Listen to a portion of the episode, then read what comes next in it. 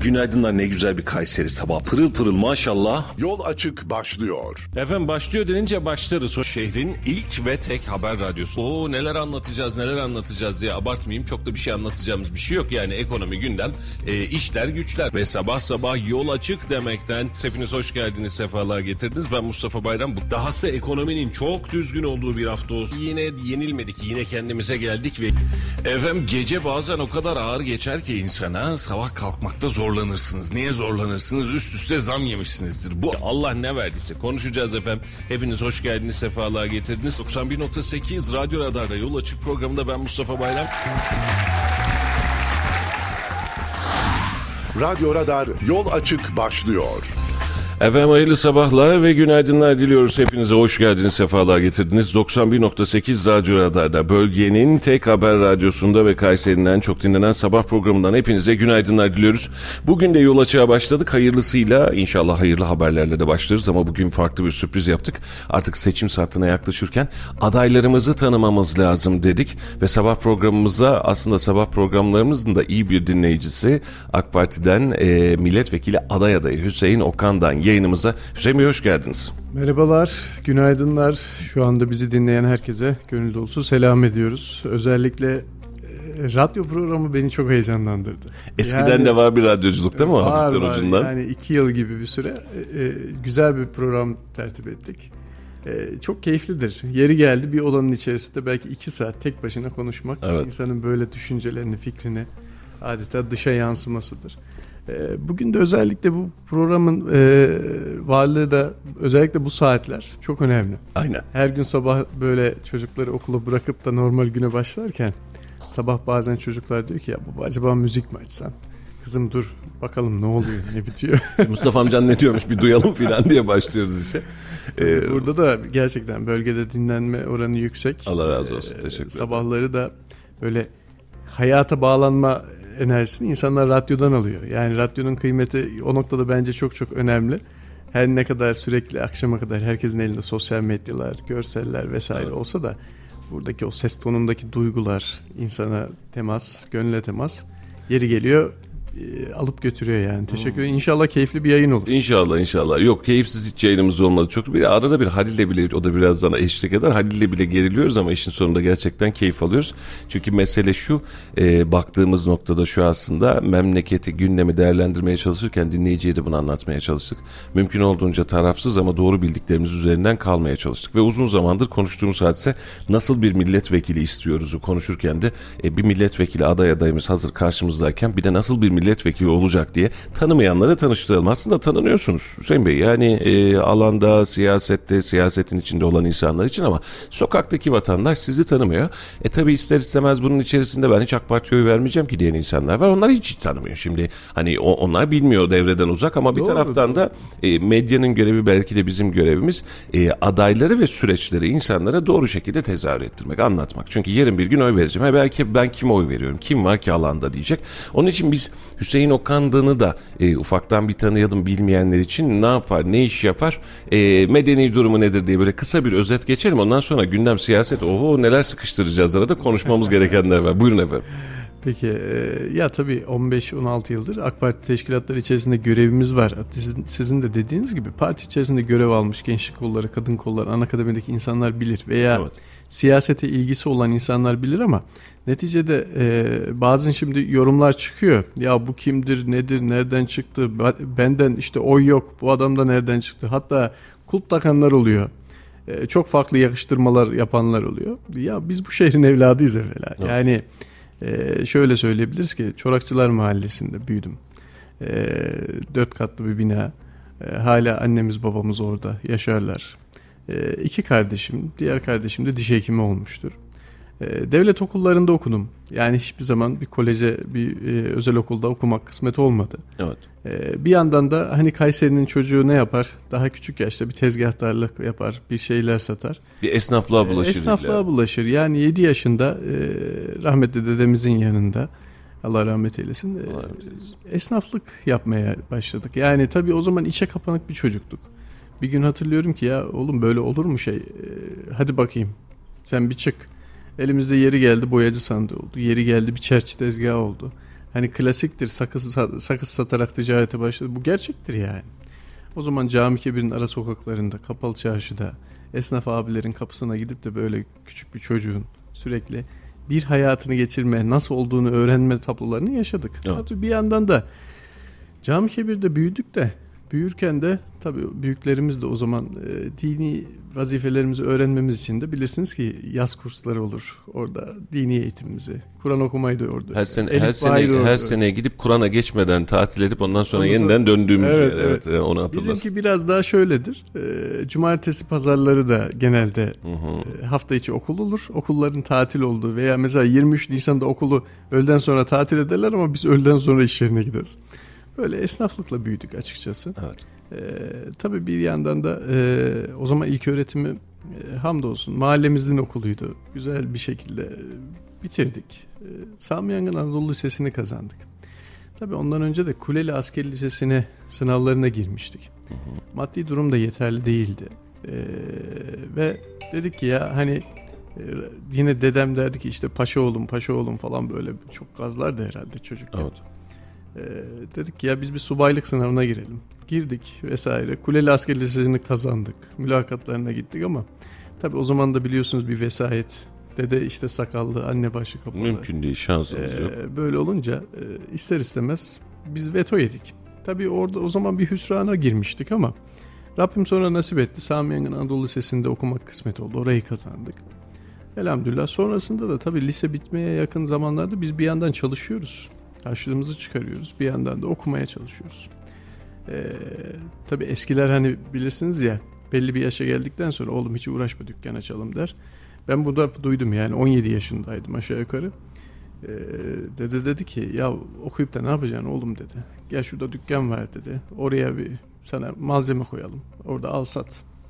Ya dedi olur mu bak arkadaşlarım Ankara'ya gidecek. Herkes okuyor. İstanbul'a gidecek. Herkesin bir hedefi var. Ben dedim okuyacağım ama dükkanı da yalnız bırakmayacağız dedik. Ee, en neticede tabii o zaman şehir dışında okumak da şu andaki devletin imkanları gibi bir imkan yok. Yani öyle kredi yurtlar kurumlarının yurtları yok. Ya FETÖ'nün evine gideceksin ki bizim de FETÖ ile alakalı en ufak bir bağımız olmamış. Şimdi yorumlara değineceğim ama yorumlarda da işte soy ismimizden dolayı FETÖ ile bağdaştıran olmuş falan. Ya biz bu şehirde e, belki kapısından geçmediğimiz bir durumdur bu yani. Doğru. Ee, şehir içi Kayseri'de okuyayım dedi dedim. O zaman da e, tabii baba da e, ister istemez dedi ki oğlum hani dışarı gideceksin ama imkanlar nasıl zor olabilir. Dedim ki ya ben kimseye yük olmak istemiyorum. Burada hem çalışır hem okurum. Hamdolsun e, üniversitede burada Erciyes Üniversitesi'nin tekstil mühendisliği bölümünü okuduk. Birbirinden kıymetli hocalarımız vardı. Arkadaşlarımız vardı ama okulda çok teşvik mesai geçiremiyorduk. Çünkü ders bitince hani kantinlerde oturulur, okulun bahçelerinde gezilir. Ders bittiği dakika hemen iş yerine gidip para kazanma kaygısı, hayat mücadele kaygısı vardı. Evet. Ee, çok şükür. Bir yandan onlar devam ederken de tabii üniversiteye başladığımız yıllarda e, üniversitede bir takım sosyal faaliyetlerde mesleki olarak, sosyalite olarak aktif olmaya çalışıyorduk. Yani bu o zaman ruhumuzda var diyorsun. Yani çevremiz diyelim, belki kaygılarımız diyelim. Hı hı. Yani biz buradayız ama niye daha faydalı olmayalım kaygısı vardı. O zaman da üniversitede öğrenci kulübü başkanlığı yaptım. Yani Hocalarımız sağ olsun çok desteklediler. Dediler ki ya hani bir şeyler olsun, bir hareket olsun. Çok şükür o zaman da e, yarım elma diye bir kermes çıkarmıştık. Hı hı. Öğrencinin öğrenciye burs verdiği bir sistemdi. Çok yani iyi. ilkini yaptığımızda öğrenciler kendi evlerinden yaptığı imkanlarla bir kermes yapıyordu. Yine onları alan, satın alanlar öğrenciydi ve oranın geliri de maddi durumu olmayan genç kardeşlerimize belki kısmen de olsa bir yarasına melhemdi. Evet. Bu üç kişiyle başladı. on kişi oldu. Her sene devam etmeye başladı. Silsile haline geldi. Tabii bunlar devam ederken de bir yandan bir arkadaşımız vardı Fırat Bey. Kulakları çınlasın. Şu anda Ankara'da yaşıyor. O zaman Kayseri'deydi. E, iş yerine gelip gidiyor. Ya kardeşim gel AK Parti'de gençlik kollarımız var. Seni oraya götürelim. Tabii ben de bir yandan öğrenci kulübü var. Bir yandan para kazanma, hayat kaygısı var. Bir yandan okul bitecek, onun kaygısı var ya Fırat'cığım şöyle de böyle de falan derken en son hatırına bunu aldım. Bir gün kolumdan tuttuğuyla kandırdı bir şekilde. Balıkçıların yani. karşısındaki e, AK Parti il binasına gittik yani bundan 15-16 sene önce. Gittiğimizde baktık güzel arkadaşlar var. Güzel işler yapıyorlar. O Dertleri zaman var, nos- nostalji, var. nostaljiye tamamen hakimsin. Çünkü AK Parti'nin ilk kuruluşu da orası. Evet, Doğru mu? O ilk bina. bina. ilk bina. İlk bina. Ee, tabii biz de daha 18 yaşındayız. Böyle ne yaparız, neyin ucundan tutarız. Baktık böyle e, ya sunumlar yapılmaya çalışılıyor, bir şeyler anlatılmaya çalışılıyor. Ya bu daha da iyi yapılabilir dedim. Yani yine aynı orada da kaygı başımıza iş çıkardı. Evet. Yani daha ne yapabiliriz derken Koca Sinan Gençlik Kolları'nda görev aldık. Görev üstlendik diyelim yani. E, hamdolsun orada iki yıl kadar bir seçim atlattık. İlk seçimde ilk insanları tanıyorsunuz falan. Sonrasında orada gayretimiz, mücadelemiz bir gün baktık bir telefon geldi. Melik Gazi Gençlik Kolları Başkanı olduk. Allah Allah böyle bir hani hiç ihtimali Oturuyorduk bir şey. diye. Oturuyorduk. Hatta e, şaşırdık da hemen bir gecede ekiptiyiz, arkadaşlar kimler falan. Bismillah dedik Melik Gazi Gençlik Kolları Başkanı'na başladık. Orada da tabii bu heyecan, gayret, mücadele devam etti. Evet. Ee, biz burada izlediğimizde bizleri yalnız bırakmayan kardeşlerimiz, arkadaşlarımız oldu. Elhamdülillah bu şehirde çok insanla çalıştık. Ee, o zamanki heyecanlar, o zamanki siyasi aktörlerle, abilerle, hanımefendilerle birlikte gayret ettik. Zaman geçti. Sonrasında dedim ki yani e, tam Melik Gazi Gençlik Kolları'nı okul bitmeye yaklaştı. Dedim ki okulu bitireyim, Melik Gazi Gençlik Kolları'nda bırakayım, askere gideyim dedim. Tam askere gitmeye niyetlenirken pat diye İl Gençlik Kolları Başkanlığı görevi tayin edildim. Herhalde Türkiye'deki en genç gençlik kolları il başkanlığı görevi üstlenenlerden biriydik o zaman. Adının gereğini yaptık genç olarak diyorsun. Tabii askerlik yalan oldu. Gidemedik. Üç yıl orada görev aldık. Ee, tabii bu demde ciddi mücadeleler verdi. İl Gençlik Kolları Başkanlığı döneminde de gerçekten e, ciddi bir gayret, mücadele. Üniversite Öğrenci Konseyi seçimleri yapılıyor. Tabii o zaman Milliyetçi Hareket Partisi ile ittifak yok. Ciddi kıran kırana geçiyor. Evet. Ee, orada MHP'nin kalesidir. 33 yıl ilk defa o dönemde Gençlik Kolları İl Başkanlığımız döneminde e, Üniversite Öğrenci Konseyi Başkanlığını almak nasip oldu. Ama alana kadar da bayağı bir cefa çektik O zaman diyebiliriz. ülkücülerin dediğin gibi Tabii yoğun olduğu geçen, zamanlar. Geçen yine o dönemde karşı karşıya olduğumuz arkadaşlarla akşam bir yerde oturuyoruz. Güzel anı olarak anlatıyoruz ama yani mesele şuydu Mustafa abicim. Buyurun. Bir gencin bir kaygısı olmalı. Bir vatan kaygısı olmalı. Bir yönetim kaygısı olmalı. İdarede söz sahibi olma kaygısı olmalı. O zaman da bu devamdı ve Türkiye'de e, ilk defa başörtülü bir hanımefendi kardeşimizi e, üniversite Erciyes Üniversitesi Öğrenci Konseyi Başkanı yaptık. Niye bir hanımefendi yaptık? Tabii o zaman hırgür çok ister istemez. Gençler birbirine sürekli şey yapıyor. Hiç değilse bir hanımefendi olursa Örnekleme de olsun. e, yani saygıda kusur edilmez düşüncesi. Ya gençlik gerçekten heyecanlı çok güzel günler. Ama kaygılı ve güzel günlerdi. Sayın Cumhurbaşkanımız da elhamdülillah o zaman e, 81 il başkanının önünde teşekkür etti. Bizi onur etti. Tabii o zaman o, o teşekkürün ardından da çektiğimiz bütün mücadele, stres her şeyi yok. Zahmet. E, dedik ki sonra evlilik oldu. İşte elhamdülillah Servet Hanım e, 24 yaşındaydım yani gençte evlendik. E, evlilik olunca bir yıl sonrasında da tabii bu demde Cumhurbaşkanlığı seçimi bu demde de il başkanları sürekli değişiyor yani. Bu üçüncü il başkanım oldu. Evet. Ve Şaban abi de dördüncü il başkanım olacak. O dönemde de işte seçimdir, mitingdir bu görevleri de e, atlatınca dedim ki bana müsaade edin. Ben e, artık evlendik, çocuk oldu falan. Biraz daha diğer arkadaşlarımız yapsınlar. E, bu kaygıyla da bıraktık. Hatta o zaman abiler dedi ki ya her şeyi tamamladın, seçim bitti daha niye? Hani zaten önünde rahat bir zaman var. Abi gerek yok. Yani vizyonunu, misyonunu tamamlamışsın kendi içinde. Gençlik yaklaşık 8-9 yıl olmuş gençlik olan ya biraz da fırsat vereyim dedim. Yani Diğer gençlere de bir fırsat genç olsun. arkadaşlar aslında. hepsi birbirinden kıymetli. Evet. Yani herkes bir şeyler katmak pe- peşinde. Çünkü bu bir bayrak yarışı. Evet. Sürekli ben o bayrağı taşıyamam. Yani bu bir vazifedir. Sürekli senkronize olması gerekir. Ee, elhamdülillah e, tabii o dönemde bu vazifelerin ardından il yönetim kurulunda görev almamız istendi. Amenna peki vazife başımız üzerine. O sürecimiz başladı. Ee, orada gayret ettik. Yahyalı'da, Yeşilhisar'da, diğer ilçelerde koordinatörlük görevleri oldu. Zaman geçerken e, Melik Gazi Teşkilatı'na Gökhan Başkan'ın ataması yapıldığı sıra Gökhan Bey de bizim da liseden dostumuzdur. E, dedik ki birlikte yol alalım. Burada Melik Gazi'yi bir inşa edelim yeniden. E, bir 10 ay gibi bir süre oldu. Çünkü erken seçim gelince Hı hı. e, dediler ki Ya o zaman istişarelerimiz neticesinde milletvekilliğine aday adaylı durum söz konusu oldu. Ha, dedik ki yani bir yola çıkılıyor. Bu yola çıkıldıktan sonra da hayırlısı o zamanki görevimizden istifa ettik. Ve akabinde de e, olmadı. Yani olmaması için de belki birçok gerekçe vardı. Çünkü askerliğimizde duruyordu, eğitimimizde de eksikler vardı. Allah hayırlısını nasip etsin dedik. Amin. Ee, bu dönemde vakıf başkanlığı geldi. Ee, dedim ki ya biz bu vakıf nasıl yapacağız? Ensar Vakfı Kayseri Şube Başkanlığı. Bir faaliyetimiz, şunumuz bunumuz yok. Hani nasıl yaparız, nasıl ederiz? Onun kaygısına girdik ve 6 yıldır da o vakıf öğrenci yurdu açıldı. Onlarca gence e, hizmet veriliyor, burs veriliyor, konaklama imkanı veriliyor. Elhamdülillah orada da hayır işler yapılırken Valla bir gün bir telefon geldi akşam 7. Ertesi gün 3'te elime bir mazbata aldım Kocasinan ilçe başkanı. Macera bitmiyor. yani ne diyeyim gerçekten çok farklı. Hiç böyle e, seçme şansımız olmadı belki. Belki hiç nefes almaya mı fırsatımız olmadı ama dün gibi baktığımda 16 yıl öyle geçmiş. Ya ama şimdi bu burada sürekli hep AK Parti camiası içerisinde olduğumuz için vatandaşın nezdinde belki e, kapı kapı o zaman siyasi görevlerimizin alanlarında hep gezmişizdir. Yani ben tutup da Sarız'ın her köyünü gezdim diyemem. Ama Koca Sinan'da görev aldığımızda Koca Sinan 93 mahallesine adım adım defalarca gezmişimdir. Gençlik Kolları İl Başkanı döneminde 16 ilçenin tamamına gitmişimdir ama neticede sürekli güncel kalamamışızdır.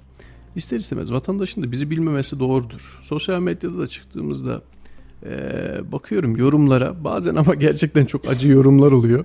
Hani hak etmediğimizi de düşünüyorum ama doğru Orada- haklı yorumlar da var. Orada şunu söyleyeyim yani siyasetçilere en azından şu an dinleyen siyasetçi abilerimiz kardeşlerimiz de var. Bunu birebir ortamda genellikle söylüyorum.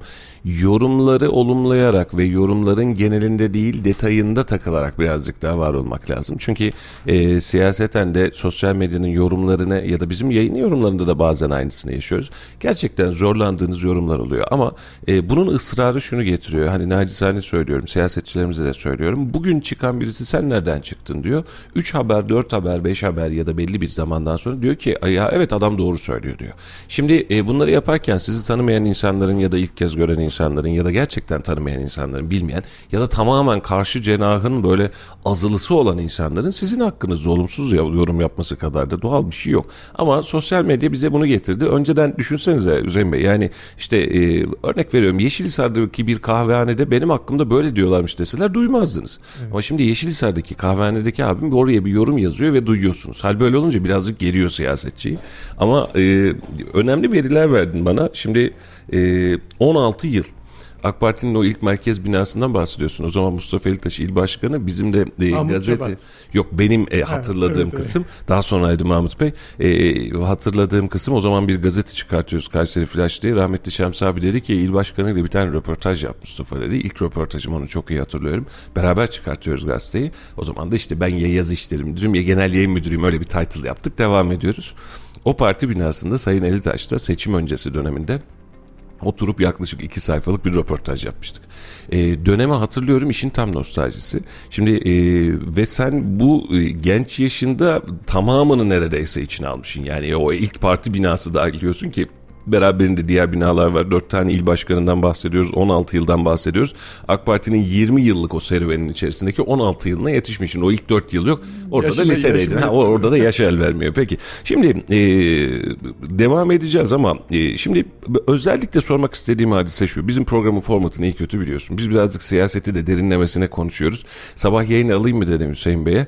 E, olur abi gelirim seviyorum zaten dedi. Bak yalnız sorular birazcık yok dedi. Ben sıkıntı yok ne istersen. Bizim de adetimizde Allah var. Hüseyin Bey de bu anlamda bilir. Ağzını bile açmaz ama e, yeni gelecek siyasetçilerle alakalı. Ya kardeşim bir soru hazırlamayız. Yani hazırlamayız derken içimizde bir hazırlık var ama şunu soralım mı? Bunu sormayalım mı? Böyle yapalım mı? Demeyiz. Yani böyle spontan gelişir cümlelerden gelişir ve böyle de olmalı zaten. Yani e, düşünsenize sürekli aynı soru. Sizi tanıyalım efendim. Evli miydiniz? Ay ne kadar güzel. E, görevde ne yapacaksınız? Ya, ya sadece bunlarla bitmiyor. Şimdi e, 16 yıl öncesinde partiye girdiğin ruhla şu anki ruhu e, nasıl görüyorsun? görüyorsunuz sana soracağım. Yani çünkü 16 yıl önceki ya da 20 yıl önceki ruh bam- benim gözümde öyle bambaşka bir ruhtu. Şimdi hala bir ruh var ama o günkü ruhla e- aynı değil. Yani en azından aynı paralellikte değil. En azından onu görüyorum. Bu arada Halil'cim sen de hoş geldin. Sana bir hoş geldin demeyi unuttum. Mikrofonu birazcık daha yaklaştır. Biraz daha birazdan. şöyle. Aynen birazdan senden Halil de Herkese Hoş günaydın, geldiniz sabahlar. Hoş bulduk Hüseyin Bey. Normalde benim size hoş geldin demem lazım ama bugün birazcık ben geç kaldım. Kusura Canın sağ kalmayın olsun. lütfen. Hay hay. Ee, sizden alalım efendim şimdi. Halil orada beklesin o bizden zaten. Ee, o ilk ruhu görüyor musun AK Parti'de? Valla şöyle söyleyebilirim. O günkü heyecan, bugünkü heyecan hani e, değerlendirecek olursak o günkü Türkiye ile bugünkü Türkiye'de çok farklı yerde. Evet. Mustafa abi. Yani bunu da göz önünde bulundurmak gerekiyor. O gün yapılması gereken, hedeflenen o zaman konuştuğumuz ya bölünmüş yollar şu metre şu kilometrelere ulaşmış. İşte şu şu kadar tünel açmışız. Şu şu köprüyü yapma hedefimiz. Bunların birçoğu yapılıyor. Bir yandan hayat devam ediyor. Bir yandan da AK Parti icraatlarını yapmaya çalışıyor. Ha, siyasi kadrolar içerisinde e, gerçekten zorlu süreçler geçti. Yani Evet. 2007 kapatma davası, 2013 Gezi Parkı eylemleri, e, 17-25 Aralık süreci, e, akabinde 15 Temmuz hain darbe girişimi. Yani bu memlekette birçok şey oldu. Geçen Halil abi dedi. Belki 10 yılda Türkiye'de 100 yıllık şey yaşandı.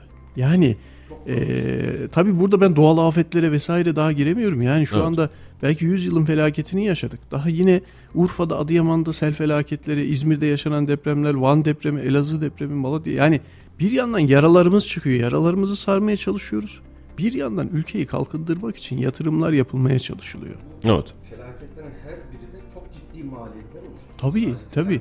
Yani işte e, biliyorsunuz ki işte 15 Temmuz öncesine kadar da terör örgütlerinde verilen işte şehit sayıları, teröre e, verilen harcamalar yani ciddi mücadeleler var. Evet. E, Milli savunmadaki eksiklikler. Ha elbette her şey doğru diyemeyiz. Yani insan zaten isminin kelamı gereği noksandır. Eksikleriyle vardır ama burada e, mesele üzüm yemek mi, bağcıyı dövmek mi? Bağcıyı dövmek olduğu zaman bir yol alamıyoruz. Doğru. Yani bağcı kan revan içinde kalırsa o üzümü yetiştirecek adam da kalmıyor. Ama mesele üzüm yemekse bunu açıkça ortaya koymak lazım. Ben eleştiriye her zaman açığımdır. Yani şöyle söyleyebilirim ki eleştiriler aslında insanları diri tutar. Kendini muhasebe ettirir. Evet. Ama yapıcı eleştiriyle e, karşındakini öldürücü bir eleştiri çok farklı bir şey. Ha, bunu ayırt etmek lazım. O günkü ruhla bugünkü ruha baktığımızda Sayın Cumhurbaşkanımız da ben şu heyecan gerçekten dünyadaki belki siyasi aktörler içerisinde örnek gösterilecek bir adamdır. Ki bunu birçok ülkenin siyasi lideri de e, ona olan sempatisi ve görüşmesiyle alakalı bunu hepimiz yaşıyoruz. E, buna gurur duyuyoruz. Yani siyasi aktör olarak bugün rol model olarak e, gerçekten bizim belki gençliğimizde hani böyle hep sosyal medyada falan da karşınıza çıkıyordur. Tayyip Erdoğan'ın gençlik kollarındaki e, işte o zamanki konuşmaları, mücadeleleri, işte e, parti içerisindeki görevleri, belediye başkanlığı sürevinde, süresindeki görevleri bunlar aslında şu anda bizim gençlik kollarındaki e, genç kardeşlerimize hep rol model olmuştur. Bir Evet. ışık olmuştur. Bizlere de aynı şekilde. Onun mücadelesini biz rol model almışızdır. B- baktığımızda siyaset uzun soluklu bir maraton diyoruz ya aslında hiç yorulmadan etmeden her gün yeniden o güne başlayarak yani gece yorulmuş olsanız dahi ertesi gün asla yorulmamış gibi güne başlayarak devam etmemiz gereken bir süreç. AK Parti teşkilatına baktığımızda elbette zor günler yaşadı. Yani sizler de takdir edersiniz ki 20 yıldır iktidar olmak, sürekli bir eleştiriye maruz kalmak da kolay değil. Ama bugün baktığımızda sürekli kendini senkronize eden bir AK Parti görüyoruz. Sürekli yeniliğe ayak uyduran bir AK Parti görüyoruz. Şimdi elbette görüşler farklıdır, saygı duyuyorum. Yapılan işler eleştirilebilir, saygı duyuyorum. Ama teşkilatlanma kademelerine baktığımızda da gerçekten çok kurumsal bir hafızası olan, belki en profesyonel teşkilatlanmayı sağlayan kadrolardan biri e, dünyaya örnek olan bir partidir yani.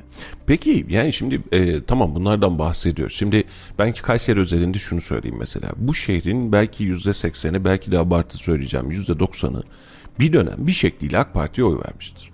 Yerel yönetimde vermiştir, Cumhurbaşkanlığında vermiştir, işte mecliste vermiştir. Bu şehir öyle bir şehir. Yani tabanında da muhafazakar sağa doğru zaten e, du- turu, e, durumu ve tavrı olan bir şehir. Ama e, şimdi mesela e, bir kardeşimiz Instagram'dan yazmış yorumu. Demiş ki e, çürümüşlüğü, adam kayırmacılığı, rantçılığı bunları değiştirebilecek misiniz? Bunları nasıl çözeceksiniz demiş. Valla şöyle söyleyebilirim. Buyurun. Şimdi kişilerin kendinden e, açıkçası bunları sorgulamak da lazım. E, 16 yıldır buradayız. E, bu kayırmacılık böyle bir torpil diye adlandırılan bazen partiye birileri geliyor. E, diyor ki ya oğluma kızıma iş istiyorum. Şimdi Partiye gelenler genelde iş istiyor zaten. Ben öyle gördüm. Oradan gelen kişi tanımıyorsunuz. Tanısanız da değişen bir şey olmuyor. Zannediliyor ki mesela bazı kurumlarda şunu diyor. Ya AK Parti'ye git ararlarsa işin hallolur. Ya böyle bir şey AK Parti hadi benim ben ilçe başkanıyım. Yani bu benim aramamla değil. Bir insanda liyakata, ehliyete ve bu sadakati bu üç unsuru doğru düzgün bakmamız lazım. Evet. Liyakat sahibi mi? Bunu yapacak yeterliliği var mı? Vatanına milletine sadakatini sorgulamak lazım. Bunlar varsa bir insanın da her şeyden ziyade nasibi varsa ya rızkın kefili Allah diyoruz. Bizim burada şimdi içecek bir kahvemiz varmış, bir suyumuz varmış ki bizi Rabbim buraya getirmiş. Evet. Şimdi insanlar diyorsa ya bizim bir cüretimiz yok. Olduğu takdirde bizim sayemizde değildir. Olmadığında da bizim yüzümüzde değildir. İster istemez 20 yıllık iktidar sürecinde geçen e, daha iki gün önce bir abimiz geldi. Ya ben dedi yıllardır görev aldım şöyle ettim. Bir oğluma iş bulmadınız. Yani böyle bir serzeniş de var. Bundan dolayı kızmalar da var. Evet. Ya 16 yıldır buradayız. Biz doğru düzgün böyle bir akrabamız dahi bir belediyeye, bir kamuya, şuraya buraya girdirmişliğimiz yoktur. Bunun altını çizerek söylüyorum. Veya şunu söyleyebilirim ki ticaretle uğraşıyorum. Ben esnafım, mühendisim. Ya işim gereği de e, hiçbir kamu ihalesine girmemişim. Girebilecekken firmamın yeterliliği varken girmemişim. Neden? Ya bu herhangi bir lafa söze mahal vermeye gerek yok. Rızgın kefili Allah. Gidip de oradan iş yapana kadar başka yerden alırız demiş. Ha, bunu yapan kardeşlerime de saygı duyuyorum. Her şey kuralı çerçevesinde yapılıyorsa, memleketin menfaati gözetiliyorsa yapılsın. Peki bu Ama yani şimdi bu gel böyle adam kayırmacılık falan noktasında ya bu e, Allah sorar. Şimdi e, Hüseyin Bey sizin baktığınız yerle toplumun baktığı yer bu anlamda siz siyasetçisiniz. E, bu anlamda bunu savunmanızı söylemenizden de daha doğal bir şey yok. Yani buna hiçbir itirazım yok ama e, ben dün e, Ramazan Bey'le de yaptığımız programda o da hukukçu olduğu için adalet kavramı üzerinde birazcık daha gitmeye çalıştım. E, ben iki taraftan bakıyorum. E, bir, e, bu işin gerçeği, bir iki bu işin algısı. Şu an vatandaş geldiğinde KPSS'ye rağmen ya torpilim olmazsa diyebilecek kıvama yeniden geldiyse burada bir problemimiz var. Ya gerçeği var ya da gerçekle beraber ya da gerçeğin haricinde bir algısı var. Yani belki bunu da belki bu anlamda güvenlemek lazım. Çünkü ben şöyle bakıyorum hani biz Halil'le de programlarımızda hep konuşuyoruz. Vatandaş toplumun devletinin her kesiminde, her kademesinde ben devletime güveniyorum diyebilmeli. Yani gözünü kapat. Yani ada, şey, adliyeye gidiyorum. Ya adalet var tamam sıkıntı yok demeli. Ya bunu te, yani tereddüt bile etmemeli. Hani kapısına bir polis geldiği zaman ya ama acaba demeli. İşe başvuruyorum. Ben hatta hatırlarsın e, en son Vatman alımında Memduh Büyükkılıç ve Şaban Çopuroğlu Kılıçdaroğlu Kadir Has Kongre Merkezi'nde 70 küsür kişi alınacaktı. 2000-3000 kişinin üzerinden noter huzurunda çekiliş çok yaptı. Çok da güzel oldu. Ee, aynen öyle. Ben bunu çok ciddi de destekledim. Hep de keşke böyle devam etsek. Niye? Vatandaşın kafasından soruyu atalım. Bak buna rağmen soru var ama atalım en azından. Bakın TYP'den biliyorsunuz ki 9 aylık işçi alımları yapılıyor. Evet. Yıllardır. Ee, evveliyattan böyle TYP'den e, başvurular yapılır. Başvuruların sonra sürekli parti insanlar gelir. Ya bu çok rahatsız edici bir durum. Çünkü ya bir öksüzün bir yetimin acaba bir rızkının önüne mi geçeceğiz? Bu evet. kaygı e, Allah'a çok şükür birçok birçok arkadaşımızda mevcut. Ve özellikle son süreçte il başkanımızın da, Büyükşehir Belediye Başkanımız, diğer belediye başkanlarımız da ya bu kura usulü olması bence bu memleketin evladıysa yani Türkiye Cumhuriyeti kimlik numarasına sahipse buraya iş kura gidip de başvuru yapıyorsa orada rızkını, kısmeti o kuradan çıkarsa gitsin. Gitsin abi. Ondan sonrasında ya bana gelip de tekrardan ya Hüseyin Bey şuraya şu kağıdı verip de al şuraya bir torpil yapsın. Ya kardeşim ben seni oraya girdireyim ama hadi nasıl olacak düşün. Orada bir belki garip kuraba belki son umudu olan geçim kaygısı için bir, bir öksüzün yetimin önüne geçtiğinde bunun hakkını vebalini nasıl ödeyeceğiz? Evet. Ya bu kaygıların var olduğunu anlatmak lazım. İnanın ki bu hassasiyet de üst düzeyde. Yani ben şuna değinmek istiyorum. Biliyorsunuz ki geçtiğimiz seçimlerde, yerel seçimlerde İstanbul Belediyesi ayyuka çıktı. Kılıçdaroğlu dedi ki emekçi kardeşlerimizin yanındayız. Biz göreve geldikten sonra bir kişiyi dahi kapının önüne koymayacağız demesine rağmen 18 bin tane kişi bir hafta evet. içerisinde kapının önüne koyuldu. Ve yerine daha da fazlasıyla adam alındı.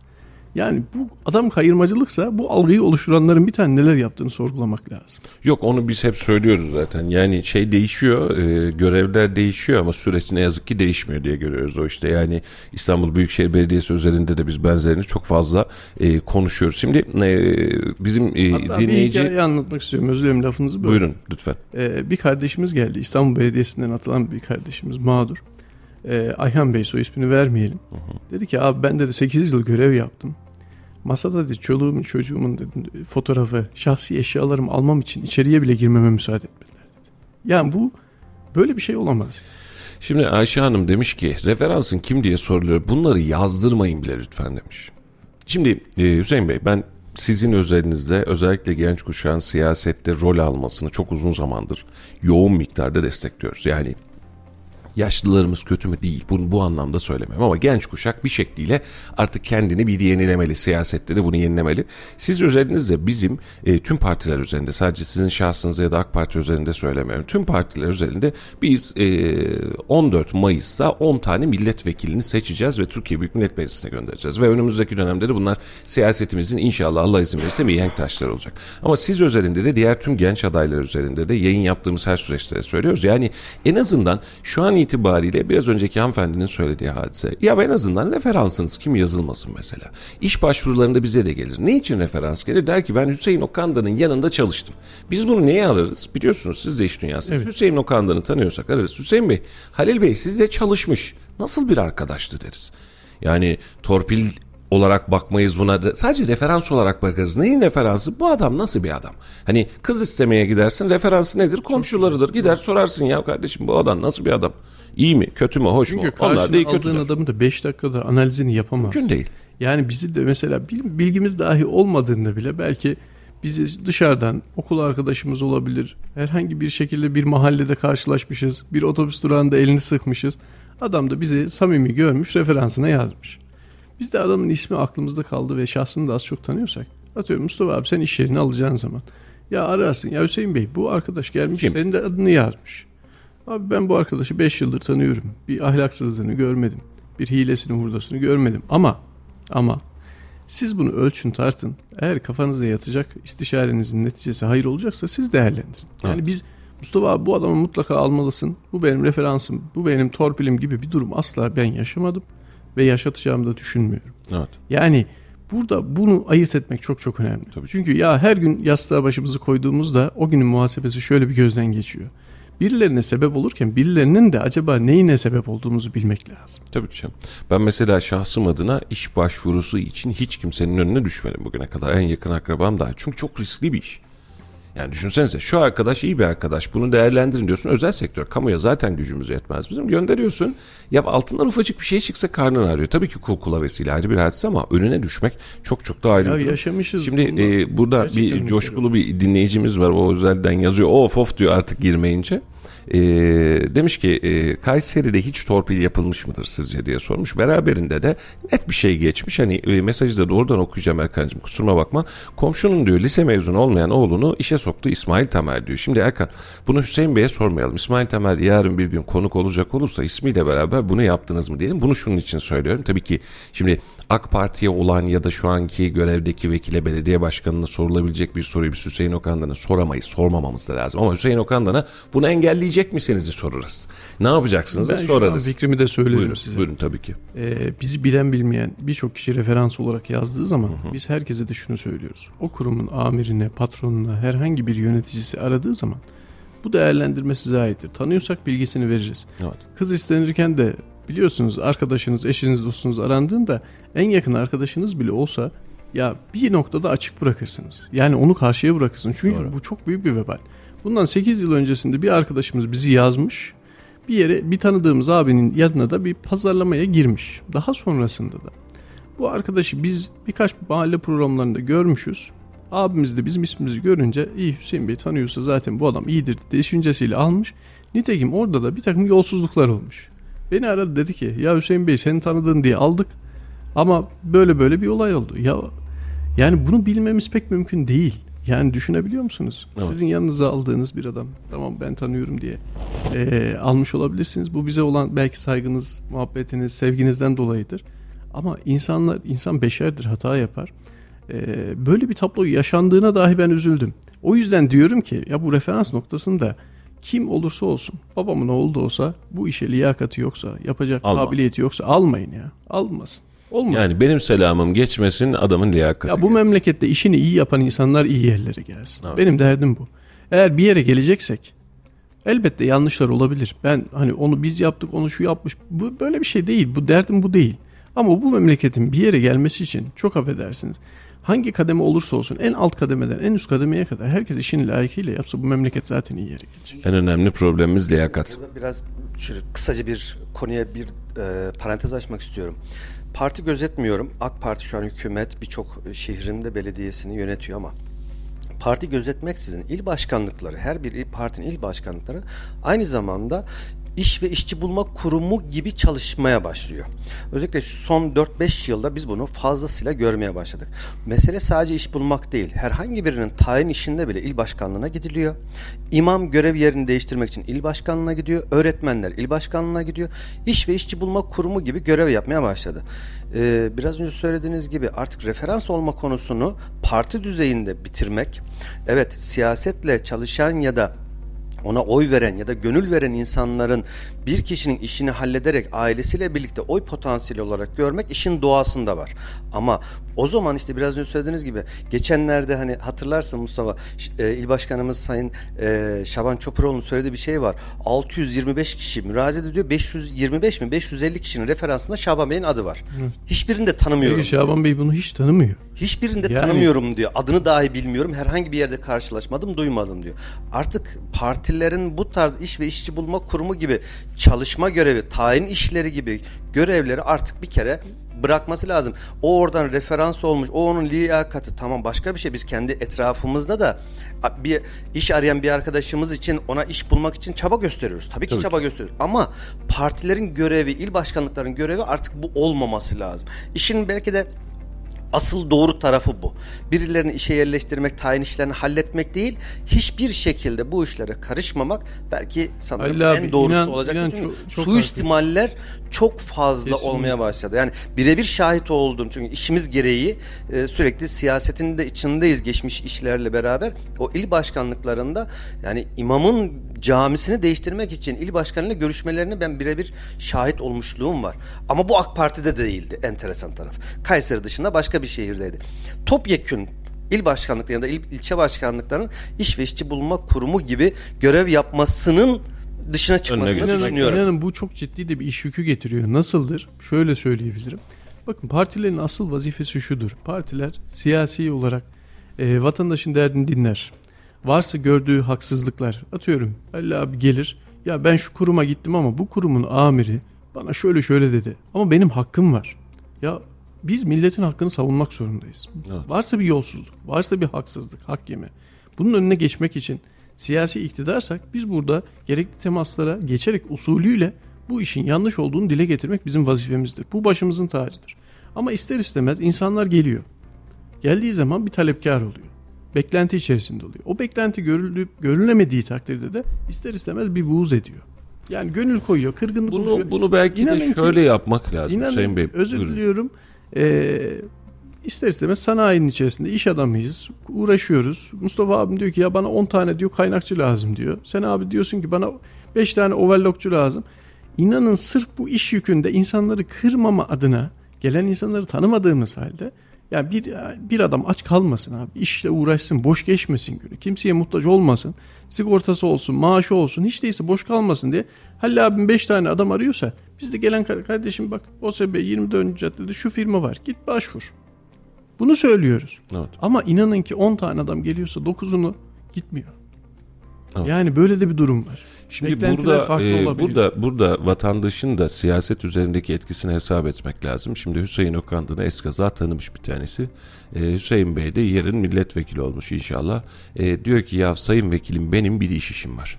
Şimdi ben e, Şaban Bey sizi ya da Memduh Bey'i ziyarete gittiğimde beklerken bile aynı durumları yaşıyorum. Hatta en son gittiğimizde Şaban Çopuroğlu gitme Mustafa dur dedi biri gelecek dedi. Sen de şahit ol dedi. Tanımıyor yanında geldi. Geçen de aynı şeyi Salih ederim. Kalkma. Aynen dinle. bir gör. Yani şimdi gelen insanların bu algısı, bu anlayışı bizim toplum olarak aslında nerede olduğumuzu gösteriyor. Biraz önce önemli bir şey söyledim. Ee, bir işi alalım. Bu işte de Halil gelecek, Ahmet gelecek. Halil'i öne geçirelim mi? Peki Ahmet'in hakkı? Bir kişiden bahsediyoruz. Evet. 100 kişinin, 1000 kişinin, 5000 kişinin başvurduğu bir yerde 5000 kişinin hakkı, kul hakkı. Belki orada mesela o para olmazsa hayatını idame ettiremeyecek insanlar var. O iş olmazsa ömre küsecek, dünyasını değiştirecek insanlar var. Bunun için bir torpili yapmamak lazım ama iki torpili de istememek lazım. Hani benim genç siyasetçilerden beklentim belki de bu anlamda bu şimdi gelen yorumlar da öyle. Biz gerçekten e, sizin oluşturacağınız yeni jenerasyon bu sadece siz üzerinde bahsetmiyorum işte atıyorum CHP'de Niyazi var mesela örnek veriyorum o genç jenerasyondan. Genç jenerasyondan en büyük beklentimiz aslında bu problemlerin kalıcı olarak çözülmesi. Çünkü biz bunu sen tabii ki yani e, onlar adına bu suçu üstüne de alamazsın onlar adına kabul de diyemezsin red de diyemezsin. Buna siyaseten bir şey diyemem ne olur yanlış anlama ama bugüne kadar gelen ve kamuoyunda oturan bu sistemin bu çürümüşlüğün gerçekten önüne geçmemiz lazım. Şimdi bu memleket AK Parti gelmiş MHP gelmiş bu memleket bizim. Ya biz bu memleket bize yine lazım. Bundan 20 yıl sonra da lazım. Doğru mu? Şimdi bundan 30 yıl önce AK Parti mi vardı? Yoktu. Başka partilerle, başka siyasi düzlemlerle biz aynı şeyleri konuşuyorduk. Doğru mu? Yani ya efendim işte ama liyakat demiyorduk. O zaman liyakat terimi, terimi girmemişti. O günleri hatırlarım işte torpil derdik filan. Yani biz bir ne konuşuyorduk? Bugün itibariyle artık Gerçekten bir günde yapamayız bunu. Yani buna in, in, inancım Gerçekten var. Ama herkes sorgulamalı. Aynen yani öyle. nice insanlar var Mustafa abi. Yıllardır tanıdığım. İnanın belki defalarca partiye gelip talepte bulunmuştur. Ama Evet. talebi memleket adınadır. Millet adınadır. Garip gureba adınadır. Mahallesi adınadır. Şehri adınadır. Olmadı mı? Genel sistemdeki yaşanan mağduriyetin çözümüyle alakalı acaba neyi yapabilirim ya başkanım milletvekillerimize söyleseniz de şu komisyonda şöyle bir mağduriyet durumu var. Bundan etkilenen 20 bin kişi var tüm Evet. Türkiye'de. Bu adamlar gerçekten başımızın tacı. Çünkü her konuya vakıf olabilir misiniz Halil abi? Soruyorum. Bazı meslek gruplarında yeri geliyor. Bir mağduriyet olabiliyor bazı durumlarda. olur tabii ki canım. Yani konuyu dinlediğiniz zaman farkına varıyorsun. Ha ya böyle bir 20 bin kişinin etkilendiği bir mağduriyet var. Bu durum nasıl çözülebilir? Mecliste komisyonda görüşülebilir. Eline boyuna tartışılabilir. Eğer çözüm mümkünse meclise sunulabilir önerge olarak. Hani bu tip şeyler gerçekten başımızın tacı ama dediğiniz gibi toplumun gerçeği maalesef maalesef. Keşke hiç olmasa böyle bir şey ama ya bu bizden önce de varmış. Belki de Süleyman Demirel döneminde de varmış. Ee, ama şu anda da var. Yani buna da engel olamıyorsunuz. Ama biz burada memleket adına ne yapabiliriz? Memleket adına ya sen bana de ki kardeşim yarın Allah nasip eder bir vazife alırsam ya bu şehrin şuna ihtiyacı var. Bunu alabilmek için şu bakanlıkla gerekli girişime nasıl yapabiliriz? Nasıl edebiliriz? Buna kafa yoralım. Evet. Buraya yatırım getirmek için kafa yoralım. Ve burada da zaten bu şimdi liyakatle alakalı, torpille alakalı vesaireyle alakalı konuştuğumuz her tabloda da aynı duruma çıkıyoruz. Ee, bizim bunu vatandaşla, toplumun tabanıyla ve tavanıyla beraber çözmemiz lazım Hüseyin Bey. Yani bu sizden Allah izin verir inşallah listelerde olursanız, o e, meclis sıralarda olursanız gerçekten buna bizim çok ciddi ihtiyacımız var. Yani bazı siyasi alışkanlıkları değiştirmek belki zaman alıyor ama toplumun buna ihtiyacı var ve bunu topluma da anlatmaya ihtiyacımız var. Bugün itibariyle kardeşim siz yapıyorsunuz diyenler yarın Ahmet ya da işte tanıdığı dayı oğlusu, e, amca oğlusu, komşusunun akrabası göreve geldiğinde abi benim işi de bir halletsen mi diye ilk önce o sıraya biz geliyorsak burada bir sıkıntı var. İnanır mısınız? Bakın birçok parti Sahabiye mahallesindedir. Evet. Cumhuriyet Halk Partisi'nden çıkar, AK Parti'ye gelir, oradan çıkar Milliyetçi Hareket Partisi'ne gider. Her partide aynı talepleri farklı farklı Tabii şekilde. tabii canım, hiç ya biz daha etmiyor. bugüne kadar inanır mısınız? Tabii ilçe başkanlığı görevimiz nihayet erdi ama gelen insana sen hangi partinin adamısın, sen nereye oy verdin diye bir soru ağzımızdan çıkmıyor. Soramıyorsun. Kapıya Soramaz. gelmiş işini halletmeye Gelmiş adam bir müşkülü var diyorsun. Gücün yetiyorsa Evet. yardımcı olmaya çalışıyorsun. Ama bu farklı yorumlara mahal verecek bir yardımcı olmak değil. Çünkü ya e, biraz önce dediniz ya birine sebep oluyorsun ama acaba Ahmet'in mi Mehmet'in mi belki ömrünü idame ettireceği son e, hayallerini birilerini yıkıyor muyuz? Yani bunu bir sorgulamak lazım. Tabii. Hangi kul hakkından bahsediyoruz bunu sormak lazım. Halicim senin mikrofonda hafif bir uğultu olduğu için senin sesini çok açık tutmuyorum. Dinliyorum seni. Buyur. Ee, şimdi Hüseyin Bey, geçtiğimiz yayınlarda da konuştuğumuz Mustafa ile birlikte çok fazla dile getirdiğimiz bir husus var. O da şu. Şimdi bizim belediyelerden beklentimiz ve hizmet noktası ile vekillerden beklediğimiz be- beklenti ve hizmet noktası birbirinden farklı. Bugüne kadar geçmiş dönemler dahil olmak üzere Kayseri'nin yolunu bilmeyen, navigasyonla bile Kayseri'yi bulamayacak olan vekiller çıkardık. Şimdi belediyeden beklediğimiz hizmetlerle bir taraftan vekillik olduğu zaman hani e, kamu yatırımları, kamuyu Kayseri'ye çekme. Belki de şu an Türkiye'de 81 ilin içerisinde kamu yatırımlarının en az olduğu şehirlerden bir tanesi Kayseri. Sadece bugün için bahsetmiyorum. 30 yıl önce de böyleydi. Süleyman Demirel zamanında Cumhurbaşkanı iken derdi ki Kayserili kendi işini halleder. Kayserili iş adamları hayırlarıyla Kayseri'ye yatırımı yapar. Devlete çok fazla iş düşmüyor diye bizzat kendi ağzından duyduğumuz benim o zamanlar üniversite öğrencisi olduğum zamanları da gördük. E şimdi Kayseri Türkiye'nin ortasında jeopolitik önemi var. Doğuyu, batıyı, güneyi, kuzeyi birbirine bağlayan yerler. E, hızlı tren hala muamma 14 yıldır. E, bir otoban bile geçmiyor Kayseri'de ki yol medeniyet diyoruz. Şimdi burada size sormak istediğim soru şu. Siz yolunu bilmeyen vekillerden mi olacaksınız? Kayseri'nin içerisinde e, doğmuş, büyümüş, her bir ilçesini bilen biri olarak kamu yatırımları konusunda Kayseri için neler yapacaksınız? İnşallah kısmet olur da sizi vekil olarak görürsek. Allah hayırlısını nasip etsin. Halil abi önce şöyle söyleyeyim. Herhalde en uzun şehir dışı seyahatim balayımdır. bir haftayı bulmuştur. Onun haricinde biz Kayseri'den başka bir yerde ne okumaya gittik ne ticarete gittik doğru düzgün. O yüzden yolu belli desen hani bu şehrin elhamdülillah birçok mahallesinde, köyünde, Köyüne, mahallesine, mezrasına. ayak izimiz vardır. Doğru. Yani e, tabii ki buraların ihtiyaçları bizim ihtiyacımız. Bugün tutup da yani e, atıyorum bir Yemliha bölgesinde orada benim evim barkım yok, tarlam tapanım yok. Ama oranın ihtiyacı benim ihtiyacım. Evet. Aynı şey bu Sarız içinde, Yahyalı içinde, Pınarbaşı içinde, Özvatan içinde geçerli. Özvatan'ın kermeliği de geçerli. Yani e, bunu ayırt etmemek lazım. Şehre olan yatırımlar noktasında e, şu andaki siyasi aktörlerimizin gerçekten katkısı olan da var. Olmayan da olabilir bilmiyorum ama her biri bir şey yapma gayretine girdiyse Allah razı olsun. Yani bu memlekette hangi siyasi parti olursa olsun bu memlekette taşın üstüne taş koymaya vesile olduysa Allah razı olsun. Aynen öyle. Onun ecri de sevabı da kendine. Ama burada eksiğimiz varsa da biz bunu biraz daha aktivist hale getirmek için gayret edeceğiz. Etmek zorundayız. Çünkü e, biraz önce dediniz ya ta eski zamanlarda da bu böyleymiş. Kayseri elhamdülillah kendi kendine yetebilen bir şehir. Hayırseverleri olan bir şehir. Daha dün akşam elhamdülillah nice nice insanların birçok konuda yapılan işlerde, yatırımlarda, hassasiyetlerde gerçekten ön planda olduğunu görüyoruz. Ama tamam bu olsun ama devlet yatırımları da olsun. Tabii. Gayret edelim, mücadele edelim. Yani şimdi baktığımızda Isparta'ya gittiğimizde Süleyman Demirel yani Allah rahmet eylesin. Öyle ya da böyle bu memlekete bir katkısı oldu adam. Ee, Isparta'ya gittiğimizde baktığımızda her yer Süleyman Demirel. Diyorum ki ya Süleyman Demirel olmasa Isparta olur muydu acaba? Doğru. Öyle bir durum var. Tabii ki. Ha, bizler belki bu şekilde olacak değiliz. Rahmetli Özal Ha. Malatya için öyle bir şans. Yani bu şimdi herkes e, sıla-i rahimdir. E, orada gözü olur. Oraya bir hizmet etmek ister. Ki hamdolsun bizim Kayseri milletvekillerimiz noktasında da şu an ben bireysel bir eleştiriye girmem pek doğru olmaz. Olmaz. Vakti Ama de değil, Allah doğru razı zamanda olsun değil. büyüklerimizin gayreti vardı, mücadelesi vardı. Yıllardır emek verildi ki Kayseri'de 20 yıl öncesinin Kayseri ile şu andaki Kayseri bir değil. Evet. Ha, yapılan yatırımlar belki belediye başkanlarımızın bireysel kabiliyetleriyle olmuştur. İşte e, hayırseverlerin desteğiyle üniversitelerde binalar yapılmıştır. Bunlar da olacak. Ama e, devlet yatırımları da olacaktır. Mesele burada memleketin kaderiyle alakalı birçok unsurun gündeme alınması lazım. Şimdi insanın var olduğu yerde sürekli ihtiyaçlar değişiyor. Bakın e, 16 yıl önce partiye girdiğimiz zamanlarda mahallelere, köylere gittiğimizde o zaman kanalizasyon altyapısı konuşulurken şimdi fiber internet altyapısı isteniyor. Evet. Bakalım 5 yıl sonra ne istenecek? Yani insanın var olduğu yerde ihtiyaç bitmeyecek. Tabii canım. Yani bunu evlerimizden pay biçsek belki evde yenge hanımların 5 yıl önceki talepleriyle şu andaki talepleri bile sürekli değişiyor. Ya biz bunu mahallelerde siz yaşıyorsunuzdur. Biz medya mensubu olarak yaşıyoruz. Şimdi gidiyoruz ilçelerde de programlar yapıyoruz biliyorsun. Şimdi gittiğinde adam diyor ki ya abi bizim yol yok bir yol yapsalar diyor. İşte atıyorum bir sene sonra gidiyor. Abi bir de kaldırım yapsalar diyor. Şimdi ikinci sene üçüncü seneye geldiğinde o var ya zaten onun hükmü kayboluyor. Şimdi o zaman dönüyorsun ya bir bir belediye normal otobüs seferi mi koysa diyor. Hep o istekler artıyor.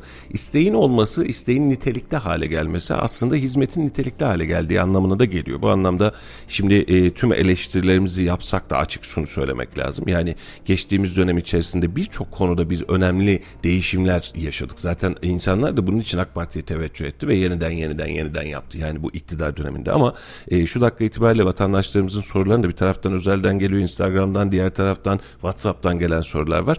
Tebrik mesajlarını geçmiyorum. Yani o tebrik ve destek mesajlarını için geçmiyorum. teşekkür ederiz. Allah Varsa eleştiriler onları alalım. Cevap verelim. Yani Şimdi Şimdi gerçekten cevap veremediğimiz eleştiriler beni çok üzüyor. Tabii ki. Geçen e, ya Mustafa abi lafını bölüyoruz. Estağfurullah, estağfurullah. Ne Radyo, demek? Program radyo çok keyifli bir şey hakikaten. doğru. Geçen bir kardeşimiz Giydirdikçe giydirmiş yorumun altına. DM'den mesaj attım. Dedim ki özel iletişim numaranı atarsan görüşelim dedim. Atmış aradım dedim ki kardeşim acaba hangi mahalleye nerede nerede karşılaştık da ben bilmeden etmeden seni kırdıysam özür dilerim dedim. Abi ben seninle hiç tanışmadım ki dedim. Evet. Ya kardeşim o zaman dedim hiç tanımadığım bir adama niye böyle giydiriyorsun? Ya abi işte genele giydiriyordum da ya sen öyle yapıyorsun da dedim. gel bir çayımı iç dedim. Gene, genele gidiyor. Randevu verdik. inan bekledik gelmedi de. Sonra aradım ya niye gelmedin? Abi işim vardı. Ya madem Allah'ın adamı gelmeyeceksen bir söyle dedim.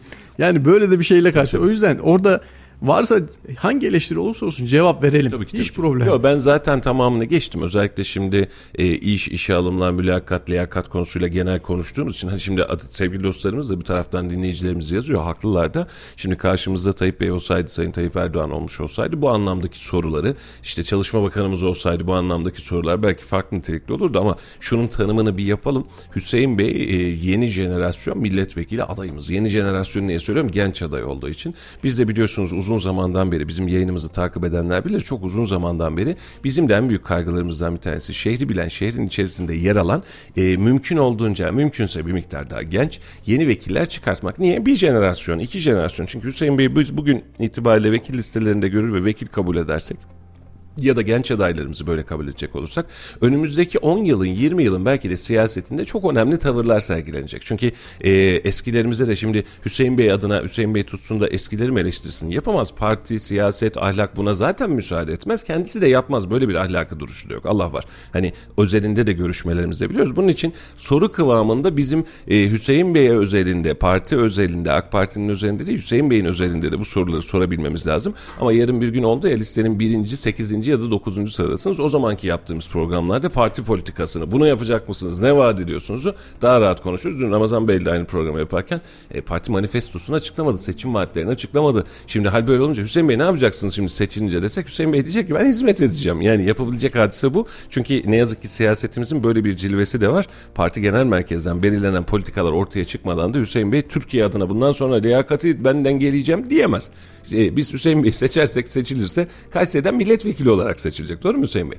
Ama ben şunun sözünü alırım sizden. Yani e, Allah izin verir Rabbim kısmet ederse e, bugün burada konuştuklarımız zaten kayıtlı o ayrı bir hadise ama gerçekten liyakati, adaleti e, ve bu anlamda e, mümkün olduğunca adil ve herkesin mutlu olabileceği bir Türkiye'yi sağ solu olmadan herkesin mutlu olabileceği bir Türkiye'yi inşa etmek için çaba sarf edeceğinizi umut ediyorum. Sizi de böyle tanıyorum.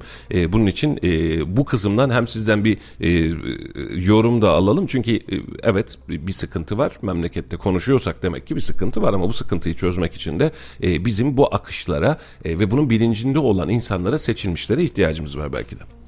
Ya şimdi şöyle eee, toplum şu anda özellikle birçok seçime girdik ama bu seçimde biraz daha yenilenme noktasında talepkar oldu. Evet. Ee, burada kamuoyunun yansımalarını zaten bizler dile getirmek zorundayız. Yani buradan kalkıp da Kemer Mahallesi'ne akşam oturmaya gittiğimde orada 8-10 tane abimin taleplerini ben rapor etmek zorundayım. Ama il başkanım ama genel merkeze. Evet. Şimdi bu doğrultuda da genel merkez bir politika belirleyerekten işte yeni adayları öne sürer. Daha sonrasında manifestosunu yayınlar ve varsa eksikler bunlar muhasebe edilir. Türkiye'nin yakın tarihine baktığımızda yapılan her iş doğru da diyemeyiz. Yani şöyle de bir durum var. Ee, Bir ortaya çıkıyorsunuz bir proje. Bu projenin olumlu tarafları da olabiliyor, olumsuz tarafları da olabiliyor. Bunun kamuoyunun algısını göz önünde bulundurarak ona göre yol çizmek lazım. Bizler yarın ne olur ne biter Rabbim bilir elbette ama e, bir kaygımız var. Bu kaygımız da şu. Bu millete hizmet etmek kaygısı. Yani bu e, gelen her vatandaşımız hangi siyasi parti olursa olsun biz Kayserimize hizmet edeceğiz. Türkiye'mize hizmet edeceğiz. Asıl payda bu. Ve gerçekten bir mücadele var Sayın Cumhurbaşkanımızın. E, bu mücadele içerisinde acaba bir nebze olsun biz de katkı ne verebiliriz? Bunun gayreti içerisinde olmak zorundayız. Karınca misali yani karınca belki ateşe su taşısa o, o taşıdığı su o ateşi söndürmez ama biz o yolda gayret etmek zorundayız. Doğru. Bunlar birler bin olur, binler milyonlar olur. Hepsi bir araya geldiği zaman ortak ses olur. Şimdi bir arkadaş demiş ki FETÖ'den Amerika'da yaşayan amcası hakkında ne düşünüyor acaba demiş. Hüseyin Bey aslında yayının başında bunu söylemişti ama iyi ki söylediniz. Hüseyin Bey buyurun. Arkadaşımıza sorduğu için teşekkür ederim. Ben Kayseri'de Çorakçılar Mahallesi'nde büyüdüm. Ee, dedem yoğurtçu Hacı Hüseyin Efendi'dir. Ee, babam dört kardeştir, dört erkek kardeştir. Biri öğretmen, biri işçi emeklisi. Babam da işçi emeklisidir. Diğer amcam da hala organizede çalışıyor. e, FETÖ'den yatan herhangi bir e, amcam şeklinde değil. Onu söyleyeyim.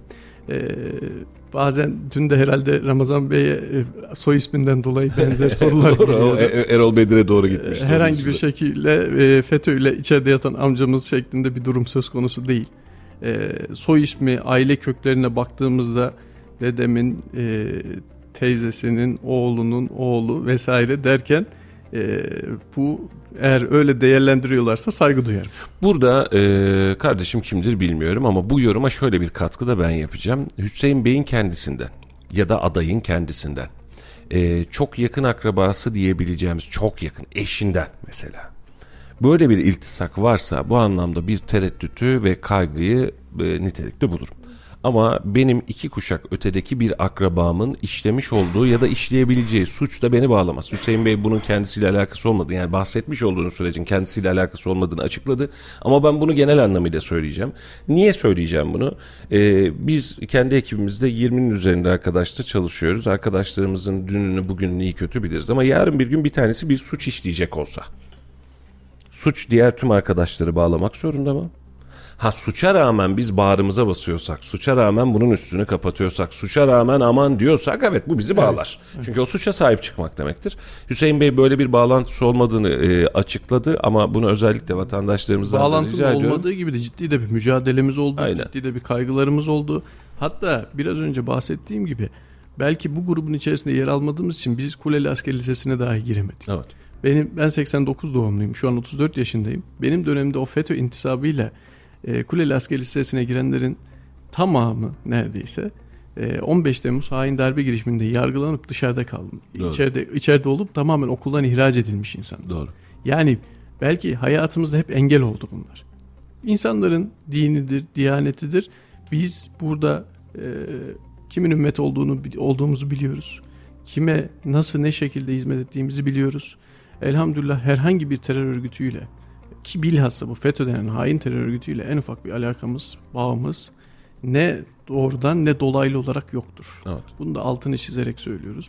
Bu süreçler e, belki böyle bir şey için gündeme gelmeseydik ya, gündeme gelmeyecekti. atılmayacaktı, Ama Google arama butonuna soy ismini yazdığın zaman böyle bir şey çıkıyorsa kimseye kusura bakmasın. Hani böyle bir şeyle alakalı da bağdaşması haktır. Ona bakarsan bizim eski milletvekili var. Ee, bizim derken yani memleketin Mustafa Bayram. Van milletvekiliydi. Uyuşturucudan yattı adam yani ne yapalım ben Van'a Hakkari'ye gittiğimde o zannettiler böyle bir e, kontrol denetimlerde e, oluyor isim benzerliği soy isim benzerliği olur. Hüseyin Bey e, samimiyetinizden dolayı teşekkür ediyorum. Ben de gelen e, soruları e, mümkün olduğunca size Ben ulaştırmaya o soruyu çalıştım. soran kardeşime de teşekkür ediyorum Aynen. ki biz de buradan hiç değilse Şimdi o soruyu ettik. soran arkadaş şu an hesabı göremiyorum ama hesapta bir profil resmi daha yok. Şimdi sevgili dostlar Hüseyin Bey'e FETÖ ile alakalı var mı diyecekseniz bir başka hesabın arkasına saklanmanın bir anlamı yok. Bakın biz yayında soruyoruz. Alakanız var mı efendim diyoruz bitiyor. Kesinlikle. Şimdi varsa da buna açıktan sorun yoksa da e, özellikle e, bu kardeşimizi tenzih ediyorum. Ben şu an profil resmini göremediğim için söylüyorum ama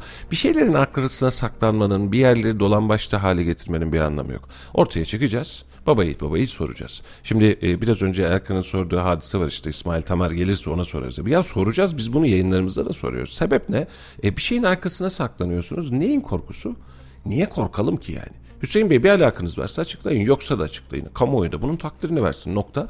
E, bunun için bu tür yorumlar e, özellikle bu dönemde e, çok e, yoruyor. insanları da yoruyor ama dümdüz karşımızda insanlar olsun. Bir iddianız varsa koyun. Biz de iddianın karşılığını koyalım. Ya ben haksızsam da haksız olduğum yerde durayım. Şu an biri dese ki mesela Hüseyin Bey öyle diyorsunuz ama siz şu tarihte şu günde şöyle şöyle bir şey yapmıştınız dese bunu da Varsa- rahatlıkla sorarız. Hüseyin Bey de cevap veremiyorsa o da onun kendi problemi olur. da Bize bizim aybımızdır. Yani aynen öyle. Şimdi Elmas Hanım e, o bizim e, SMA'lı dostlarımızdan Hüseyin Başkan adaylığınız hayırlı olsun. SMA ile mücadele eden Melih Emen Ceylan yavrumuzu da unutmayacağınızı istiyoruz. E, bu evlatların desteğe ihtiyacı var. Geç kalmadan tutalım elinden. Elmas Hanım Hüseyin Bey bizim ilk yaptığımız gecede ve dünkü gecede sağ olsun bağışlarıyla ve hakikaten hepimizi böyle e, Allah razı olsun bunun söylenmesi konuşulmasını istemedim. Ben de şu an rakamları ve süreci yeniden konuşuyorum konuşmayacağım. Yeniden aynı yere dönmeyelim diye. Hüseyin Bey bu anlamda hep vardı. Hakkını inkar edemem. Dün akşam da yayına bağlanmayın ben gerekeni yapayım dedi. Israrımız üzerine de yayına bağlandı. Hüseyin Bey bu anlamda hiçbir zaman eksik kalmadı. Ee, sağ olsun bu tür gönüllülük esasları meselesinde Rabbim de şahit biz de şahidiz. Onlar bizim kardeşlerimiz. Hiçbir dönem için durmadı. Aynen. Evlatlarımız var. Ee, Rabbimle şifa diliyorum. Gerçekten Hasan Çınar'ın mutluluğunu çok böyle hissettik. İnşallah Melih Eymen kardeşimizin de mutluluğunu hissedeceğiz. Onun koşarak memlekette meydanda inşallah e, heyecanına hepimiz Aynen. şahit olacağız. İnşallah. Ee, gerçekten burada da ben şunu ilave etmek istiyorum. Elbette bizler nacizane katkı vermeye çalışıyoruz ama burada en büyük katkıyı gerçekten başta sizler. Kürşat Bey olsun, siz olun, diğer e, cemiyetimiz olsun. Hakikaten birçok kişinin emeği var. Allah hepsinden razı olsun. Bu bir dayanışmadır. Ve e, bu milletin belki en güzel özelliği de dar günde, sıkıntılı Ortaya bir araya gelebiliyoruz ya. Yani İçimizdeki, elhamdülillah. içimizde bir Süpermen var hani Amerikalıların o kah- şeyleri süper kahramanları bizde herkes süper ben kahraman. sizlere teşekkür ediyorum burada herkesin. ne demek ne demek Allah razı olsun. Ee, iyi ki e, böyle gönülden birliklerimiz var. Şimdi sevgili dostlar e, yayının sonuna geleceğiz ama bir saati tamamladık ama devam ederiz muhabbeti. Biz radyoda öyle oluyor. Bir Saat- saat 15 dakika gibi geçiyor. E, şimdi mesele şu ki e, Hüseyin Bey e, ben bunu sizin özelinizde de söylüyorum genelde söylüyorum. Bu şehir 10 tane milletvekili çıkartacak. Bu milletvekillerinden 3'ü 5'i AK Parti'de, 3'ü 5'i diğer partide, 3'ü 5'i diğer. Yani bir 10 tane olacak. Yani toplamımız 10. Şimdi e, bunun için kim olursa olsun, hangi partiden olursa olsun şehre faydalı olabilecek milletvekillerinin olması en büyük temennimiz bizim.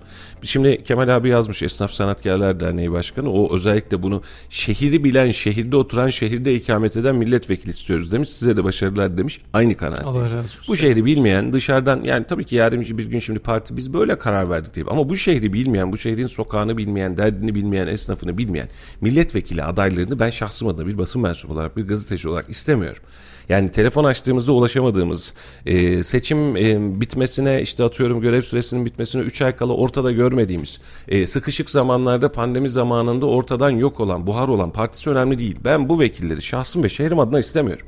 Bunu yüzünüze de söylüyorum. Yani yarın bir gün Allah nasip etti, e, o listede bulunduğunuz seçildiniz size de söylüyorum. Bu şehri, e, bu şehirden diyorsunuz ki bana bu kadar oy ver. 100 bin tane oy ver bana ki ben milletvekili seçeyim. Tamam bu 100 bin oy Hüseyin Bey diyorum.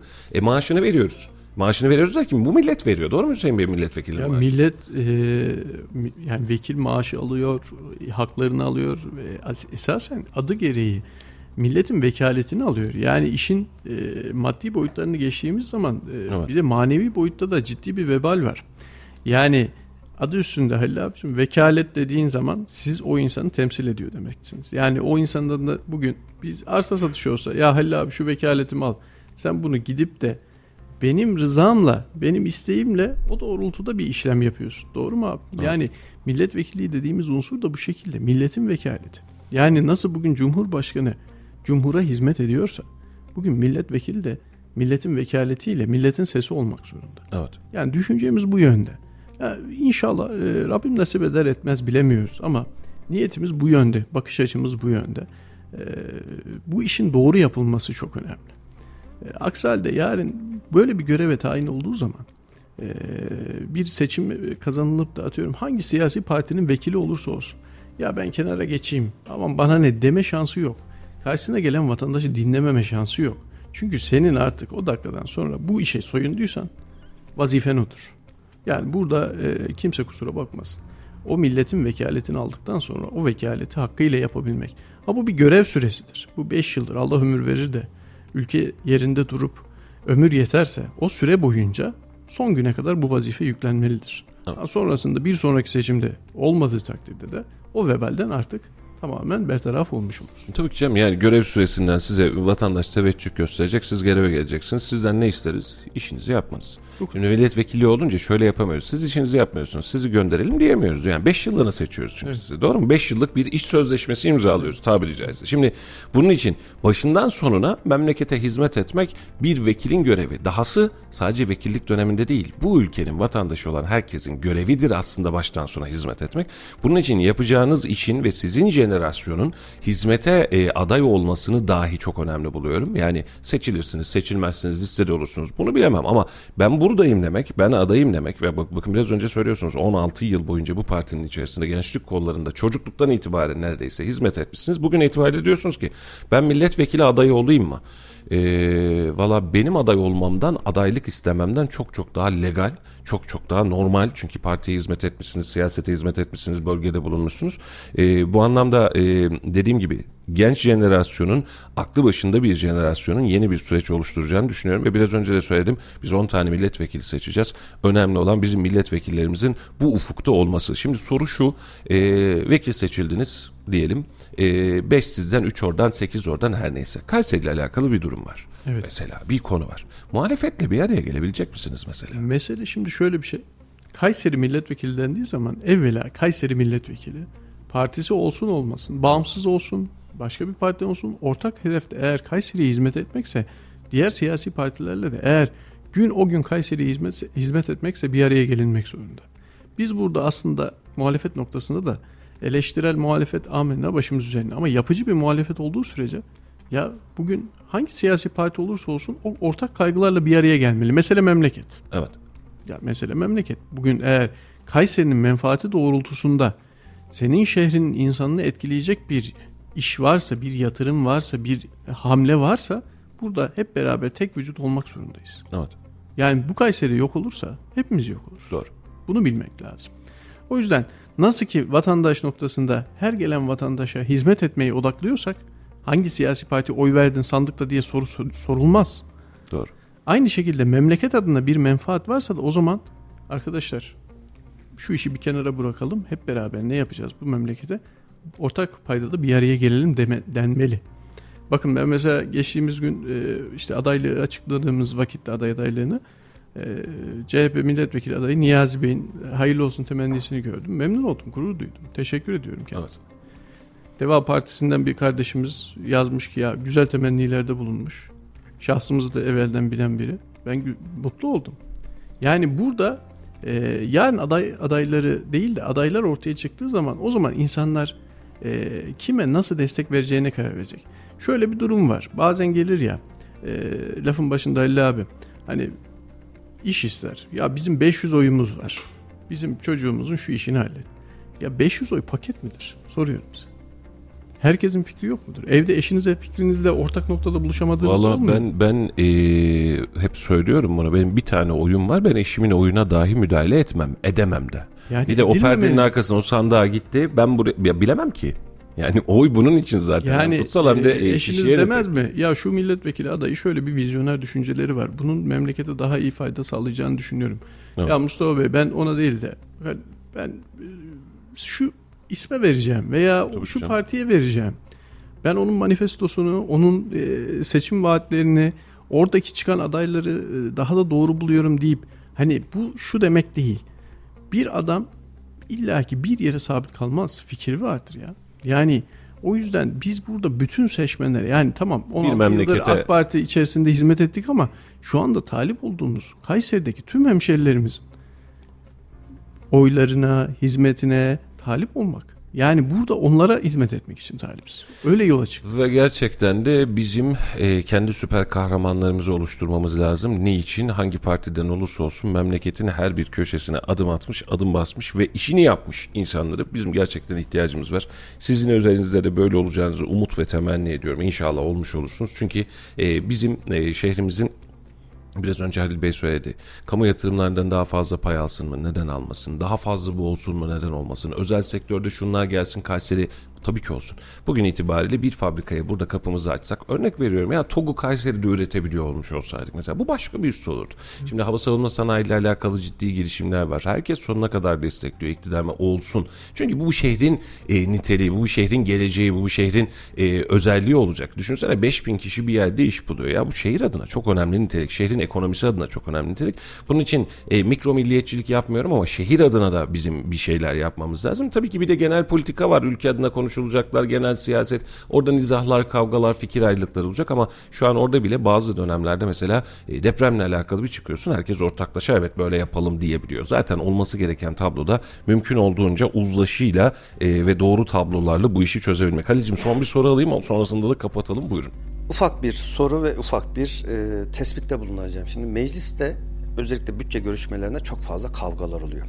Bu kavgalar içerisinde vekillerin birbirleriyle sürtüşmelerine bir bakıyoruz. Yaşı 60'ın üzerinde olan vekillerin daha fazla kavga ettiğini görüyoruz.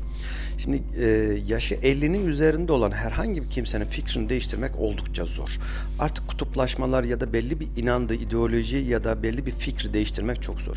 Biraz önce çok güzel bir şey söylediniz. Niyazi Bey'in sizin vekil adaylığınızı tebrik etmesi o kadar güzel bir şey ki sizin onu tebrik etmeniz. Bakın ikiniz de hem özelde tanıdığımız hem de bu siyasi süreç içerisinde tanıdığımız kişilersiniz ve ikisinin ikinize de çok değer veriyorum, saygı duyuyorum. İnsanların daha genç neslin e, adayların, aday adaylarının ya da yeni genç nesil kendi arasında farklı ideolojilerde olsa da bir araya gelip konuşması o kadar güzel bir şey ki. Ama e, yaş olarak daha olgun olan vekil ya da vekil adayların biz bunu kendi arasında bir dayanışma ya da oturup konuşabileceği bir şey göremiyoruz. Çok zor. Bunu görmek çok zor. Bu benim şahsi tespitim. Bu yüzden sizin gibi genç adayların, aday adaylarının çıkması olayı sadece e, siyaseti gençleştirmek değil. Farklı e, görüşteki insanların bir araya gelip de bir araya girip konuşabilmesi, kavga etmeden konuşabilmesi, ülke menfaati için ya da temsil ettiği şehir için çok daha fazla önemli. Ben şahsi fikir olarak da siyasetin gençleşmesini istiyorum. Şimdi AK Parti 2002 yılında ilk defa aday olduğunda yani hükümeti yönetmeye aday olduğunda kurulduğunda e, mottosu şuydu. Biz genç bir yönetici kademesiyle ülkeyi yönetiyoruz. Ama geldiğimiz noktada o zamanki genç dediğimizde de 40'lı yaşlardakiler şu an her biri 60'ın üzerinde belki 70'in üzerine çıkanlar da var. O tarihte gençti. Ama şimdi artık genç değil. Şimdi o yüzden sizin gibi, Niyazi Bey gibi e, kişilere ihtiyacımız var. Bir araya gelip konuşabilecek, memleket için bir araya gelip konuşabilecek mesela.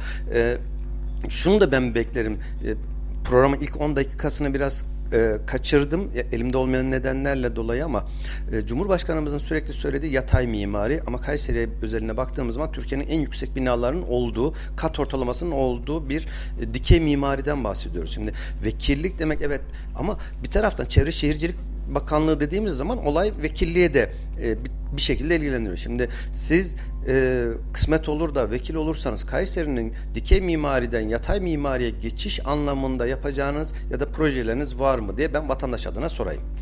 Ya şöyle bir şey geçtiğimiz yayınlarda e, bu konuyu siz ele almıştınız. Evet. Biz sabahları da dinliyorum. E, bir arsa düşünün. Arsanın sahibisiniz. Arsaya kaksı yüksek verdiği zaman siz mutlu oluyorsunuz. Daha fazla daire alıyorsunuz.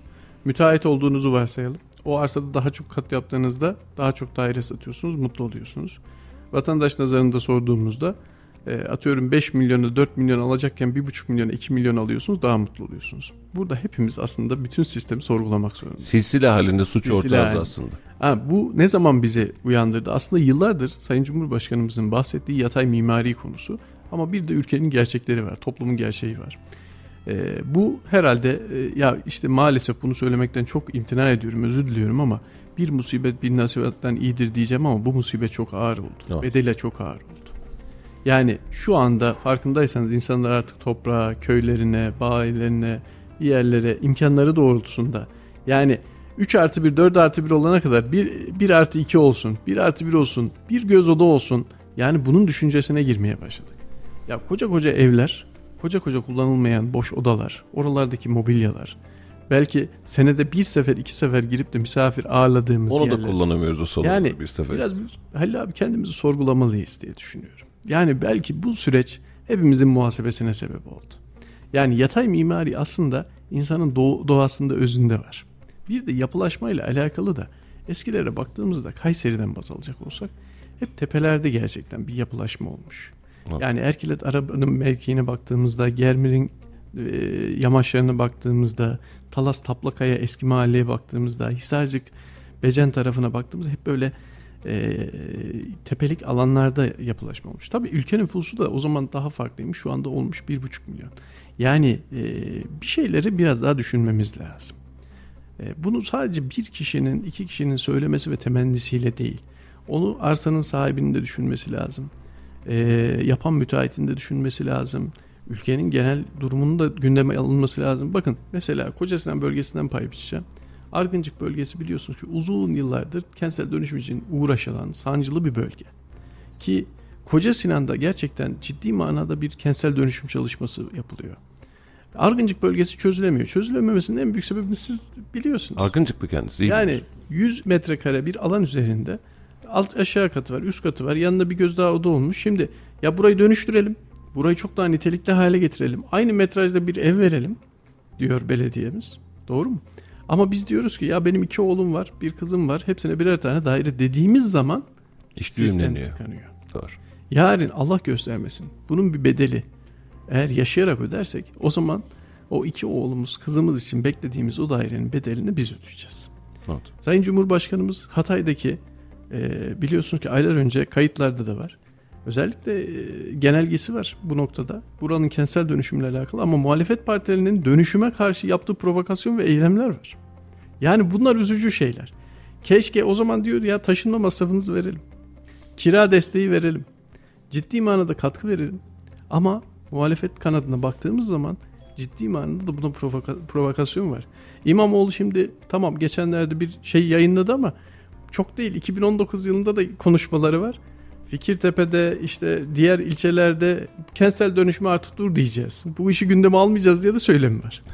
yani duruma göre bu ayçiçeği gibi fikir, güney güneş ama Fikirtepe'de olmuş yani. Şimdi kentsel Yani- dönüşüm demişiz 50 katlı bina yapmışız. Ya o da ayrı bir muamma. e, eleştirilecek çok şey var da işin özüne şunu söyleyeyim hepimizin muhasebe etmesi gerekiyor. İnşallah iyi olur. İnşallah. Yatay mimari aslında insanların psikolojisini, doğasını, çoluğunun çocuğunun yetiştiği bahçeyi, varoluşu bile aslında toplumsal psikolojiyi etkiliyor. Toprağa Çünkü bakıyoruz ya bugün bir binada 60 tane daire var. Ki 60 daire belki bir köy. Mahallede karşı o binada karşı komşunuzu bilmiyorsunuz. Asansöre biniyorsunuz. Selam vermekten imtina ediliyor. Komşuluk ilişkileri de yok oluyor. Evet. Ondan sonra ya bir mahallede düşünün bir köyde bir evde gayri ahlaki bir şey olsa o köy anında onu zaten şey yapmaz. Müsaade etmez. Evet. Ki oraya onu da yapmaya kimse gelmez. Ama komşuluk ilişkisi bittikçe insanlar birbirine selam vermez hale geldikçe o evlerin içerisinde toplumsal sorunlar haline geliyor. Koca evlerde yalnız bireyler oluyoruz ve sonra da toplumdan O soyutlanıyoruz. yüzden hepimizin muhasebe etmesi lazım. Efendim eee, bir saat diye başladık bir buçuk saate yaklaştık Hüseyin Bey çok teşekkür ediyorum. Yolunuz bahtınız açık olsun. Biz sizi seçim öncesinde de eee, insani olarak arkadaş olarak kardeş olarak bildiğimiz için biz sizden razıyız. Eee, bunu da hep söylüyorum genç vekiller dendiği zaman kimler olmalı dendiği zaman aklımıza gelen isimlerden birisiniz. Eee, hak ettiğinizi hak edebileceğinizi düşünüyorum. Tabii ki bu kısmet. Tabii ki bir Nasip. temayül yoklaması olacak. Tabii ki bir genel merkez öngörüsü olacak. Ee, ama e, samimiyetinizi her daim devam ettirmeniz en büyük temennimiz. Biz öyle olacağını düşünüyoruz ama vatandaş da tabii ki bunu e, görmek, algılamak isteyecek. Bu sınavı da siz vereceksiniz. Yani seçildik, seçildikten sonraki gün ne yapıyoruz? Bir yıl sonra ne yapıyoruz? Dördüncü yılda ne yapıyoruz? Bunlar da çok önemli olacak. Ama ben sohbetimizden keyif aldım. E, samimi sorulara samimi cevaplar verdiniz. Çok teşekkür ediyorum. Sevgili dinleyiciler bizde mümkün olduğunca sizden gelenleri e, hemen hemen tamamını aktardım yani şu an itibariyle en sert sorulara kadar FETÖ sorularına kadar hepsini hiç çekinmeden aktardık. E, çünkü bizimki çok açık bir platform. Bizim taraf olmak değil tam tersine tanımak gibi bir problemimiz var. Hüseyin Bey de samimiyetle buna cevap verdiği için kendisine teşekkür ediyorum. Ben teşekkür E, son duyguları alalım. Biz sonra Laf Sokak'ta'ya bağlanacağız. Bir Ramazan röportajı var. Oraya bağlanıp kapatacağız. Buyurun son kez mikrofon sizde. gerçekten keyifli bir yayın oldu. Ben teşekkür ediyorum. Ha- Hatta özellikle radyo olması da beni ayrıca heyecanlandırdı. İnşallah dinleyenler keyifle dinlemiştir. Ee, umuyorum ki orada sorularını yöneltenlere kısmen de olsa cevap verebilmişizdir. Dilimiz döndüğünce e, kaygılarımızın bu memleket adına olduğunu ayrıca altını çizerek belirtmek istiyoruz. Ee, kimin olduğu önemli değil. Bizim olalım olmayalım ama asıl mesele bu memlekete payidar olsun. Hep iyi yerlerde olsun. Çünkü bu memlekette biz evlatlarımızı yetiştireceğiz. Burada yaşayacağız. Allah nasip ederse de burada da hayırlı bir ölüm temenni edeceğiz. Başka çaremiz yok. Tekrardan ben güzel bir yayın oldu. Çok Herkese, sizlere, Halil abime, Mustafa abime teşekkür ediyorum. Dinleyicilerimize de buradan gönül dolusu selam ediyorum. Çok teşekkür ediyoruz. Sevgili dostlar 91.8 Radyo Radar bölgenin tek haber radyosu ve Kayseri'nin ve bölgenin en çok dinlenen sabah programında bugün konuğumuz AK Parti milletvekili aday adayı Hüseyin Okan'dandı. Samimi bir sohbet oldu. Soruları hiç çekinmeden biz sorduk. O da hiç çekinmeden cevap verdi. Sağ olsun var olsun. Efendim yolunuz yeniden açık olsun. İnşallah kazasız belasız ve memleket için en hayırlısı olan seçim sürecini hep beraber yaşarız. Ee, bizim ekip Laf Sokak'ta da Ramazan geliyor demiş. Ramazan hazırlığı yaptık mı neler yaptık diye sokağa sormuş. Laf Sokak'tayla her zaman olduğu gibi sizi baş başa bırakıyoruz. Efendim yeni yayınlarda yeniden görüşeceğiz. Kendinize iyi bakın. Hoşçakalın. Ramazan hazırlığı yapmadık. Ramazan'ı unuttum gitti. Telaşemize düştük, üzüntülerimize düştük. Ramazan oldu mu fiyatlarımız artacak. Deprem oldu mu kiralar artacak. Ramazan hazırlığı yaptınız mı? Ee, daha o pozisyona girmedik daha. Ramazan hazırlığı yapmadık. Peki neler yapacaksınız? Vallahi evin ihtiyacı neyse onu gerçekleştireceğiz yani. Alacağız. Ramazan oldu mu fiyatlarımız artacak. Deprem oldu mu kiralar artacak. Ee, sel oldu mu e, eşyaların fiyatı yükselecek. Yani bu ülkede böyle. Bir şey oldu mu yükselir. Tam da hazırlık yapılmış sayılmaz. Hiçbir şey yaklaşılmıyor kızım. Her şey ateş pahası. Yani ne bileyim bu devirde böyle bir şey e, hayırlı güle güle geçsin Ramazan. E, ama işte ne bileyim fakirim benim 4000 lira maaş alıyorum. Hep diyorlar en asgari ücret şu kadar. E, bugün internette gördüm 12 bin lira olacak asgari ücret. İnanmıyorum yani 4000 lira maaşla ben nasıl Ramazan bütçesi hazır? Kesinlikle 4250 lira maaş alıyorum ama ben de gözüküyorum yani. Bir karnın doyarsa yani e, ah, haline şükrediyorsun. E, ne bileyim bu depremler, bu sel felaketi yani her şey üst üste geldi. Bu dünyada nefes alıyoruz, hayattayız, sağlıklıyız. İşte o başka imkansız bir şey Ramazan'a hazırlık yapmak. Karşına veriyorlar kepçeyle alıyorlar. Allah sonumuzu iyiye getirsin. Geçen sene evden dışarı çıkamıyorduk. Bu sene de şey yapamıyoruz. Eve giremiyoruz. Allah sonumuzu iyiye getirsin. Depremler, seller. İnşallah iyi geçer. Allah hayırlısın. Rabbim esirgesin cümlemiz. Ramazan üzüntülü geçen seneki gibi. Teraviye gideyim dedim yok dediler. Sonra bu sene inşallah olur. Fiyatlarımız yüksek diyorum ya. Karşına veriyorlar kepçeyle alıyor. Her markete gitmemde 1000 lira değil 2 liradan çıkıyoruz. Allah sonumuzu iyiye getirsin. Ramazan hazırlığı yapmadık. Niye yapmadık yani? Şu anda iş piyasa çok durgun. Ee, gıda fiyatları çok yüksek. Geçen de ben markete gittim. Normal standartlarda aldığım 150 liraya aldığım kaşar 175 lira olmuş. Benim bu çocuklarım Nutella'nın haricinde ye- yemiyor. 60 liraydı 72 lira olmuş. Yani e, kazancımız yetişmiyor. Ve marketçiye bunu söylediğimizde yani abi diyor ki her gün fiyatlar değişiyor diyor. Biz diyor etiket değiştirmeye yetişemiyoruz diyor yani. Biz de dedim sizin zamlarınıza yetişemiyoruz yani. Gelirimiz giderlerimizi karşılamıyor. Ramazan'ı unuttum gitti. Telaşemize düştük, üzüntülerimize düştük. Selise felaketi düşünüyor. Kayseri sallanıyor diyorlar. Erciyes patlayacak diyorlar. Hiç Ramazan'ın zaten bütçe ona yer vermiyor. Mantılar bükülmüyor. Bilmiyorum yapanlar varsa. Keteler yapılmıyor. Bitti gitti. Unuttuk gitti o günleri. Onlar bitti gitti. Benim için bitti. Başkaları için var zar bilmiyorum da. Çok zor, çok zoruma gidiyor biliyor musun? Ezan sesini onu- şey diyorum özledim, teravihi özledim. Mis gibi çorba kokularını özledim ama öyle bir şey yaşamıyoruz. Bitti gitti. Şuraya koyuyorsun he kuru ekmek, oruç açacaksın. Önce pandemi vardı, şimdi de deprem var. Ee, zaten eline sağlık, e, maaşlarda bir şey benzettiler. 10 lira olsa da bir işe yaramaz oldu. Vallahi öyle kız. Kuru ekmek yiyorsanız karnınız doyuyor diyenlere evet kuru ekmek yiyecek bundan sonra demek ki "Ha, oh çok şükür deyip oturacak. Ramazan'ı dört gözle bekliyoruz. Hayırlısıyla inşallah Ramazan gelsin, oruçlarımızı tutalım, sevaplarımızı işleyelim. Onları bekliyoruz dört gözle. İşte Ramazan hazırlıklarına da başlamadık. Bir markete falan gitmedik. Ha şu an normal fiyatlar normalin üstünde zaten ama ülkemizin durumu yani her ne olursa da olsun bir şekilde kendi ülkemiz, kendi vatanımız, kendi toprağımız bir şekilde ilgileneceğiz yani. Bir şekilde şarkı döndüreceğiz yani. Razı, e, mantımız yumuldu. Ondan kere yaprağımız sarıldı. Bu tür yiyecekler. Bu tür yiyeceklerimiz yapıldı tabi. Börekler yapıyor, bazlamalar yapıyor. Yerine göre yapıyor. Fiyat e, geçen sene pahalıydı ya bu sene daha iki kat oldu.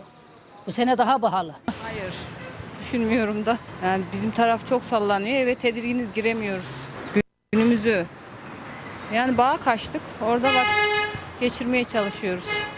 Yani geçen seneye bakarak tabii ki bayağı fiyatlar arttı yani. Aşırı arttı yani. Faturalara gücümüz yetmiyor. Bir de şeyler et pahalı, mantı sıkamıyor. Köfteni yapamıyorsun, hiçbir şey yapamıyorsun. Hiçbir hazırlığımız yok. Gelirin olmayınca ne yapacaksın yapamam. İki çocuk okuyor, yetişmiyor. Yapmadım. Neden? Emekli maaşını bekliyorum.